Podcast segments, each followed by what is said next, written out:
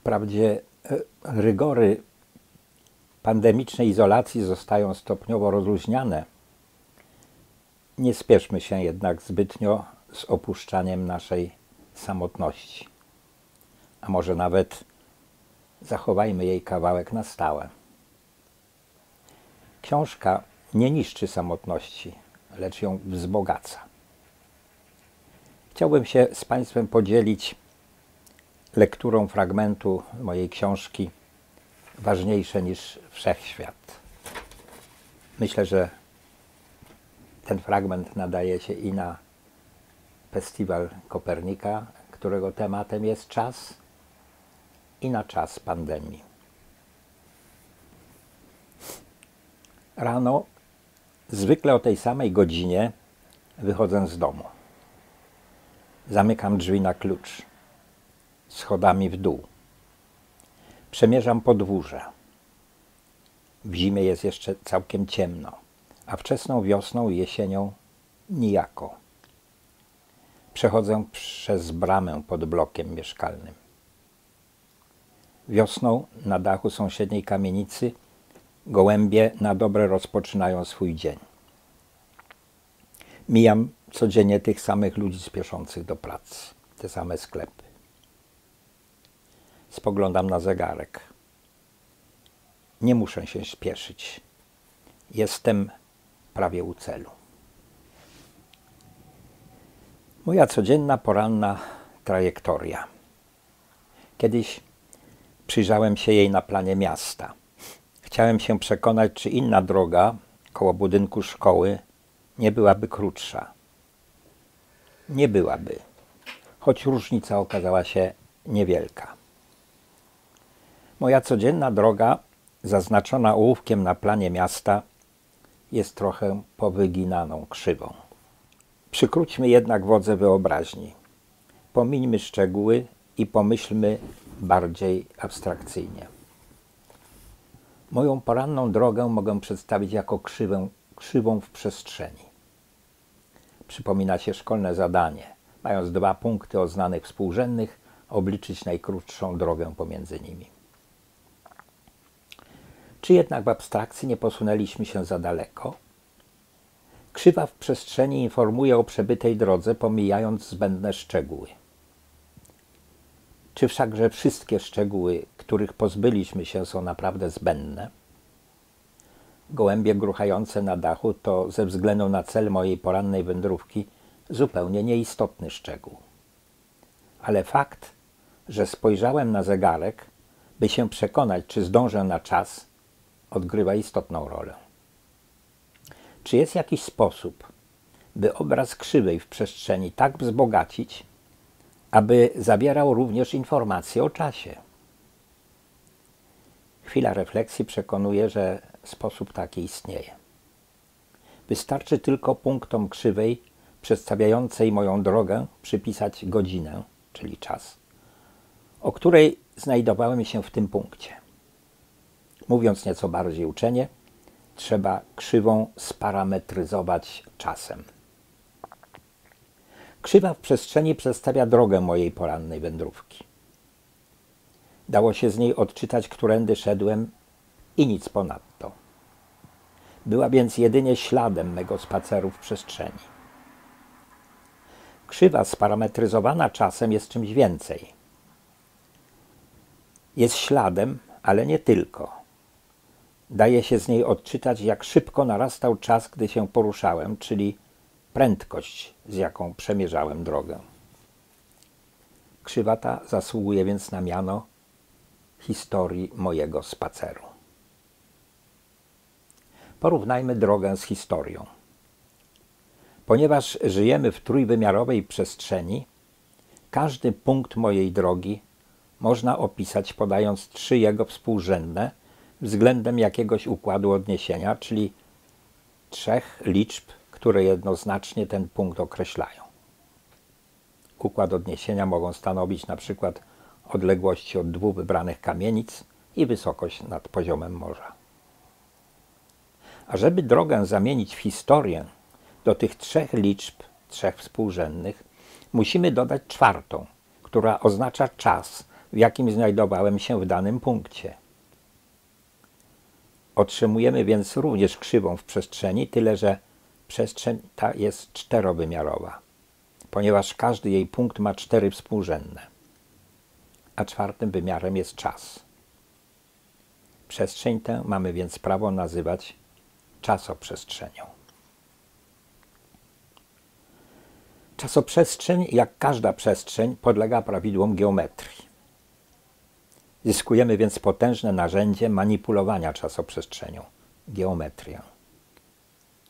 Jeżeli na chwilę zapomnimy, że czwarta współrzędna oznacza czas i potraktujemy ją jak pozostałe współrzędne, to czasoprzestrzeń różni się od zwykłej przestrzeni tylko tym, że ma o jeden wymiar więcej. Ale to też nie jest wielka różnica, bo współczesna matematyka potrafi operować przestrzeniami o dowolnej liczbie wymiarów. Prawa geometrii odznaczają się niezwykłą hieratycznością. Są dostojnie niezmienne. Jak statyczna architektura gotyckiej katedry, tyle, że nie ima się jej ząb czasu. Ten niezmienny charakter geometrii załamuje się, gdy sobie przypomnimy, że czwartą współrzędną należy interpretować jako czas. Czas jest przecież miarą zmienności. Wprowadzając czas, uruchamiamy geometrię. Moja poranna droga jako krzywa w czasoprzestrzeni staje się historią, swojego rodzaju zapisem mojego spaceru. Otwiera się przed nami pole nowych możliwości zgeometryzować fizykę ruchu. Człowiekiem, który pierwszy dostrzegł ogromne możliwości, jakie kryją się w geometrycznym spojrzeniu na czasoprzestrzeń, był Hermann Minkowski. Do tego stopnia zafascynował się tymi możliwościami, że otwierając wykład, na którym miał opowiedzieć o swoich osiągnięciach, może ze zbyt wielką pewnością siebie oznajmił, że odtąd czas i przestrzeń rozpatrywane oddzielnie odejdą w mroki zapomnienia, a tym, co zajmie ich miejsce, będzie czasoprzestrzeń. Wówczas najnowszą sensacją fizyki teoretycznej była szczególna teoria względności Alberta Einsteina, byłego studenta Hermana Minkowskiego. Prowadziła ona do wniosków do tego stopnia sprzecznych z uświęconymi tradycją intuicjami, że wydawała się trudna i skomplikowana, mimo iż narzędzia matematyczne, przy pomocy których Einstein ją skonstruował, były zadziwiająco proste. Gdy tylko Minkowski przetłumaczył tę teorię na język czasoprzestrzeni, einsteinowska żonglerka wzorami zamieniła się w przejrzystą geometrię. Einstein stosunkowo krótko bronił się przed nowym geometrycznym ujęciem. Był jednak przyzwyczajony do swojego dotychczasowego toku myślenia. Gdy jednak pracował potem nad uogólnieniem szczególnej teorii względności tak, by obejmowała również pola grawitacyjne, stopniowo doszedł do przekonania, nie bez intensywnych studiów matematycznych, że nie odwołując się do geometrii czasoprzestrzeni tego zrobić się nie da. Dalsze jego zmagania z tym problemem trwały jeszcze kilka lat, aż wreszcie zostały uwieńczone sukcesem, który w historii fizyki nie ma sobie równych. Subtelne efekty krzywizny czasoprzestrzeni ujawniły się początkowo w niewielkich, ale dających się zmierzyć odchyleniach ruchu planet i rozchodzenia się światła, wyliczanych dotychczas z teorii Newtona. Gdy obserwacje potwierdziły kolejne odchylenia, opory przeciw nowej teorii zaczęły szybko topnieć. Już pierwszy sukces obserwacje ugięcia promieni świetlnych zmierzone podczas zaćmienia Słońca w 1919 roku uczyniły z Einsteina gwiazdę nauki pierwszej wielkości.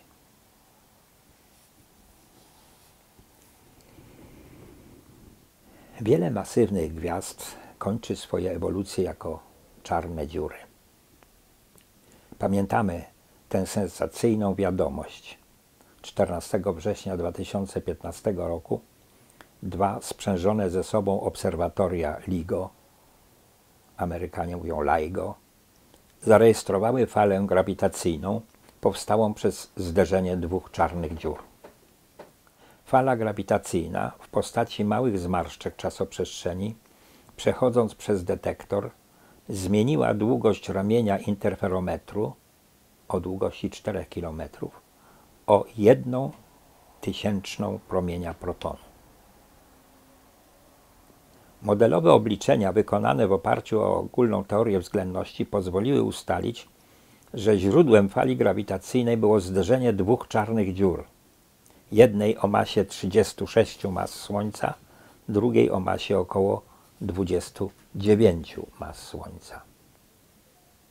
Zderzenie to nastąpiło w odległości około 1,5 miliarda lat świetlnych od nas.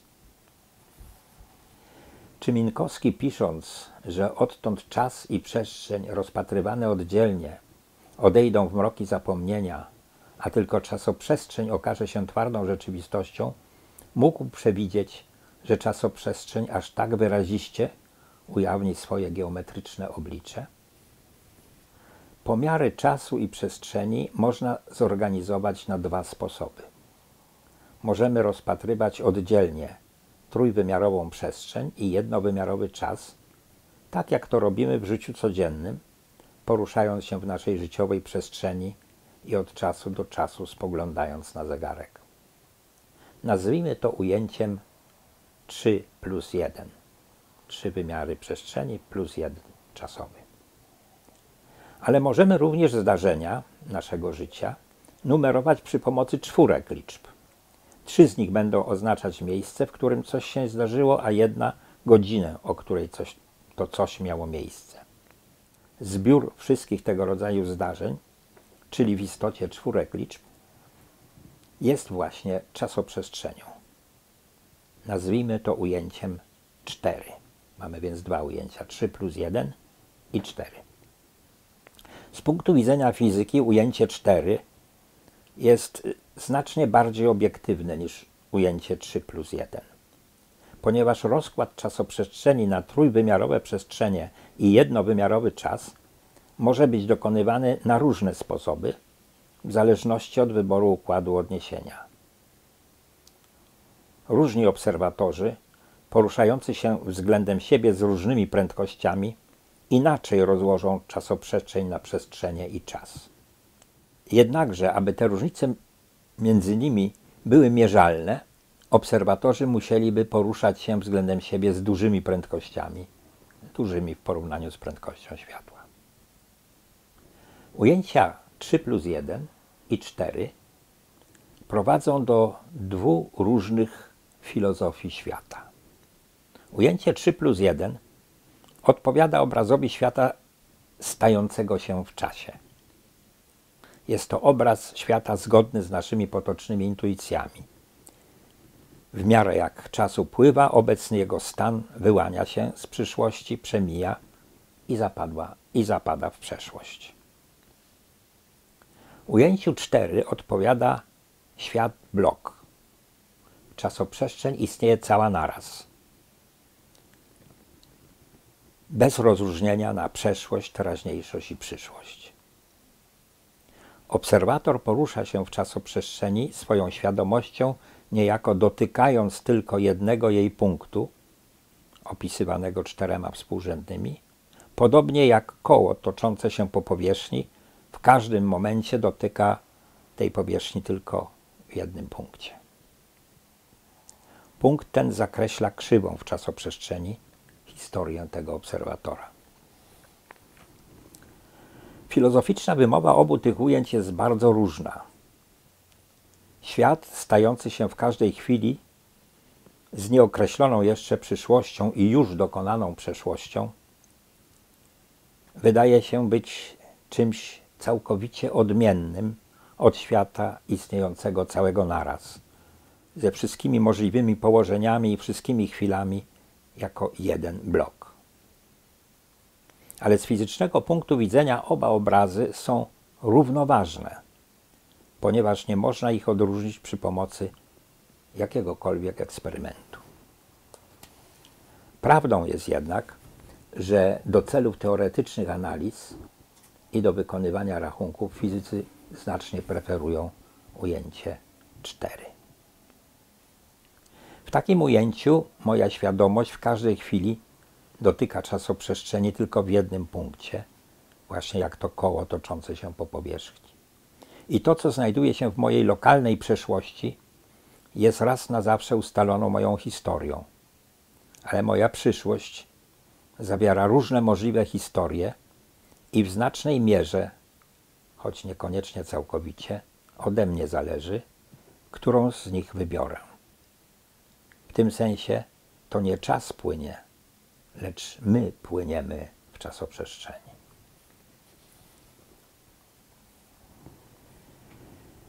Wszystko, co powiedziałem dotychczas, można umieścić w dziale filozoficznych refleksji nad nauką. Teraz chcę pójść dalej i rozciągnąć moje refleksje na filozofię życia i jeszcze dalej, aż do umieszczenia jej we wnętrzu teologicznej wizji. Życie ludzkie jest trajektorią w czasoprzestrzeni i wraz z nią podlega prawom fizyki. Ale prawa fizyki są nieubłagane. Życie ludzkie musi zakończyć się śmiercią. Trajektoria ludzkiego życia rozpadnie się na trajektorię jego składowych elementów, które z powrotem wplotą się w fizyczną strukturę czasoprzestrzeni. W obrazie świata bloku trajektoria ludzkiego życia nie ulega destrukcji. Czasoprzestrzeń istnieje jako całość i wszystko, co się wydarzyło, jest w niej zapisane. Czy można to jakoś odzyskać? Czy istnieje jakieś zmartwychwstanie? Zmartwychwstanie można określić jako powrót do życia. Ale życie to nic innego jak tylko nasza historia. Historia, którą przeżyliśmy od początku do końca. Historia, która raz na zawsze jest zapisana jako krzywa w czasoprzestrzeni. Oczywiście taka krzywa to tylko przybliżenie ciągu skomplikowanych procesów składających się na ludzkie życie. W niczym to jednak nie zmienia faktu, że procesy te, dziejąc się w czasoprzestrzeni, zaznaczają na niej swój geometryczny ślad. Odzyskać życie znaczy odzyskać całą tę historię. Ale nie w tym sensie, żeby przeżywać ją jeszcze raz we wszystkich detalach lub przeżywać ją ciągle na nowo. Tak mogłoby wyglądać potępienie.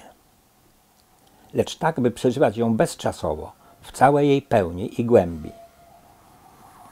Spróbujmy pójść tym śladem. Według tradycyjnej doktryny sięgającej świętego Augustyna i Boecjusza, wieczność nie jest istnieniem ograniczonym czasie, lecz istnieniem poza czasem. Boecjusz, a za nim przeważająca część filozoficznej tradycji chrześcijańskiej, twierdzi, że Bóg posiada swoje istnienie nierozciągnięte w czasie, lecz całe naraz i to w sposób doskonały. A więc w oglądzie Boga wszystkie procesy składające się na historię wszechświata są wszystkie naraz. Są wszechświatem blokiem, jedną czasoprzestrzenią, w której wszystko jest zapisane. W ten wielki konglomerat wszystkiego wpleciona jest także moja krótka historia.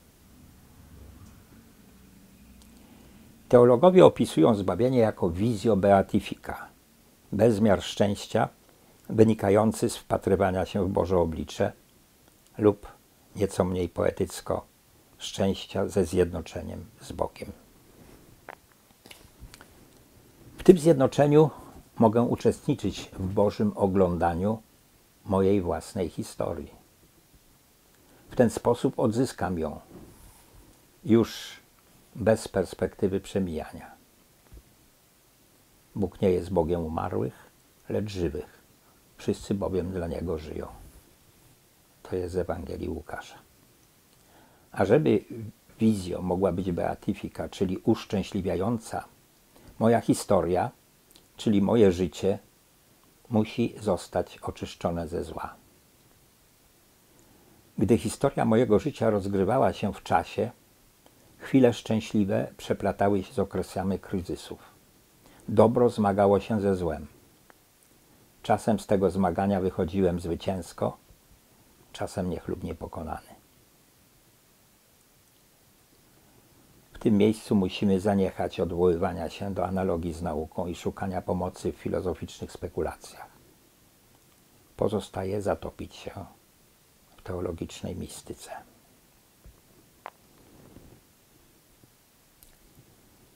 Bardzo sobie cenimy to, że jesteśmy istotami wolnymi. O pewnych ważnych rozstrzygnięciach możemy decydować sami. Ale mamy również ostrą świadomość ograniczeń naszej wolności. Jeżeli pomyślimy nad tym nieco głębiej, to łatwo przekonamy się, że najbardziej dojmujące ograniczenia naszej wolności pochodzą z naszego uwięzienia w czasie i przestrzeni, zwłaszcza w czasie. Możemy robić, co się nam podoba, ale tylko w tej chwili, w której właśnie istniejemy. Ta chwila trzyma nas w sobie bez możliwości jakiegokolwiek manewru. Opuszczamy ją tylko po to, by znaleźć się w następnej chwili, która jest równie bezwzględna jak poprzednia. I dotyczy to nie tylko przeżywania różnych zewnętrznych wydarzeń, lecz także naszych myśli. Choć wydaje się nam, że pamięcią i wyobraźnią możemy wybiegać wstecz i w przód, w rzeczywistości wszystko zależy od tego, co w obecnej chwili dzieje się w naszym mózgu. Człowiek stanie się naprawdę wolny, gdy opadną z niego ograniczenia czasu i przestrzeni.